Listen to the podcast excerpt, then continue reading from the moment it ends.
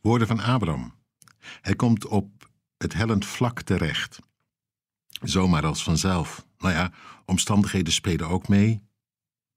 Maar, maar toch, de omgang met God schoot erbij in. En toen, ja, toen kwam die van het een in het ander. Misschien herken je het wel. En dat er dan van dat geloof van het begin, van eerst, bitter weinig overblijft. God uit beeld. Je zou denken, nou ja, dan haal je allemaal ellende op je hals. Ergens is dat zo, maar bij Abraham valt het toch nog wel reuze mee.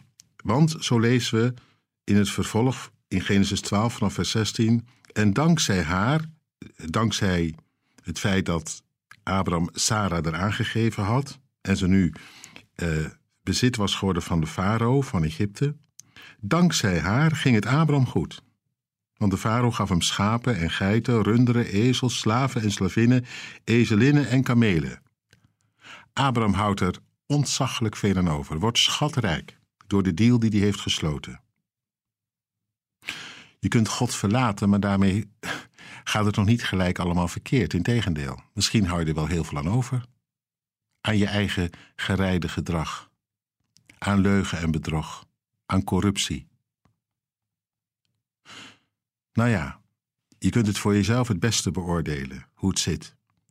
Je zou denken, maar die man die moet toch inzien dat hij helemaal op een verkeerd spoor zit? Nou ja, niet dus. Zo kan het ook ons vergaan. Je weet het ergens misschien wel en toch het dringt niet echt tot je door.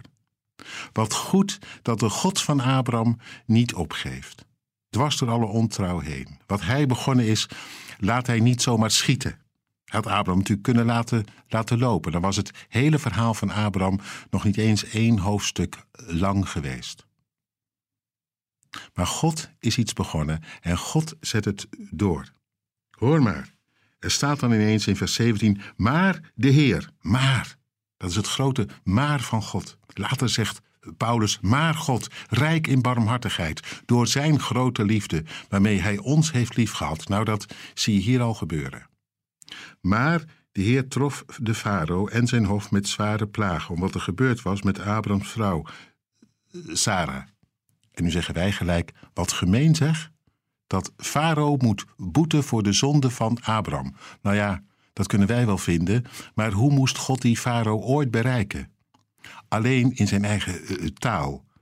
En, en door tegenslag uh, liet hij zien dat de hemel op de een of andere manier er niet blij mee was met wat er nu gebeurde. Dat was taal die de farao verstond.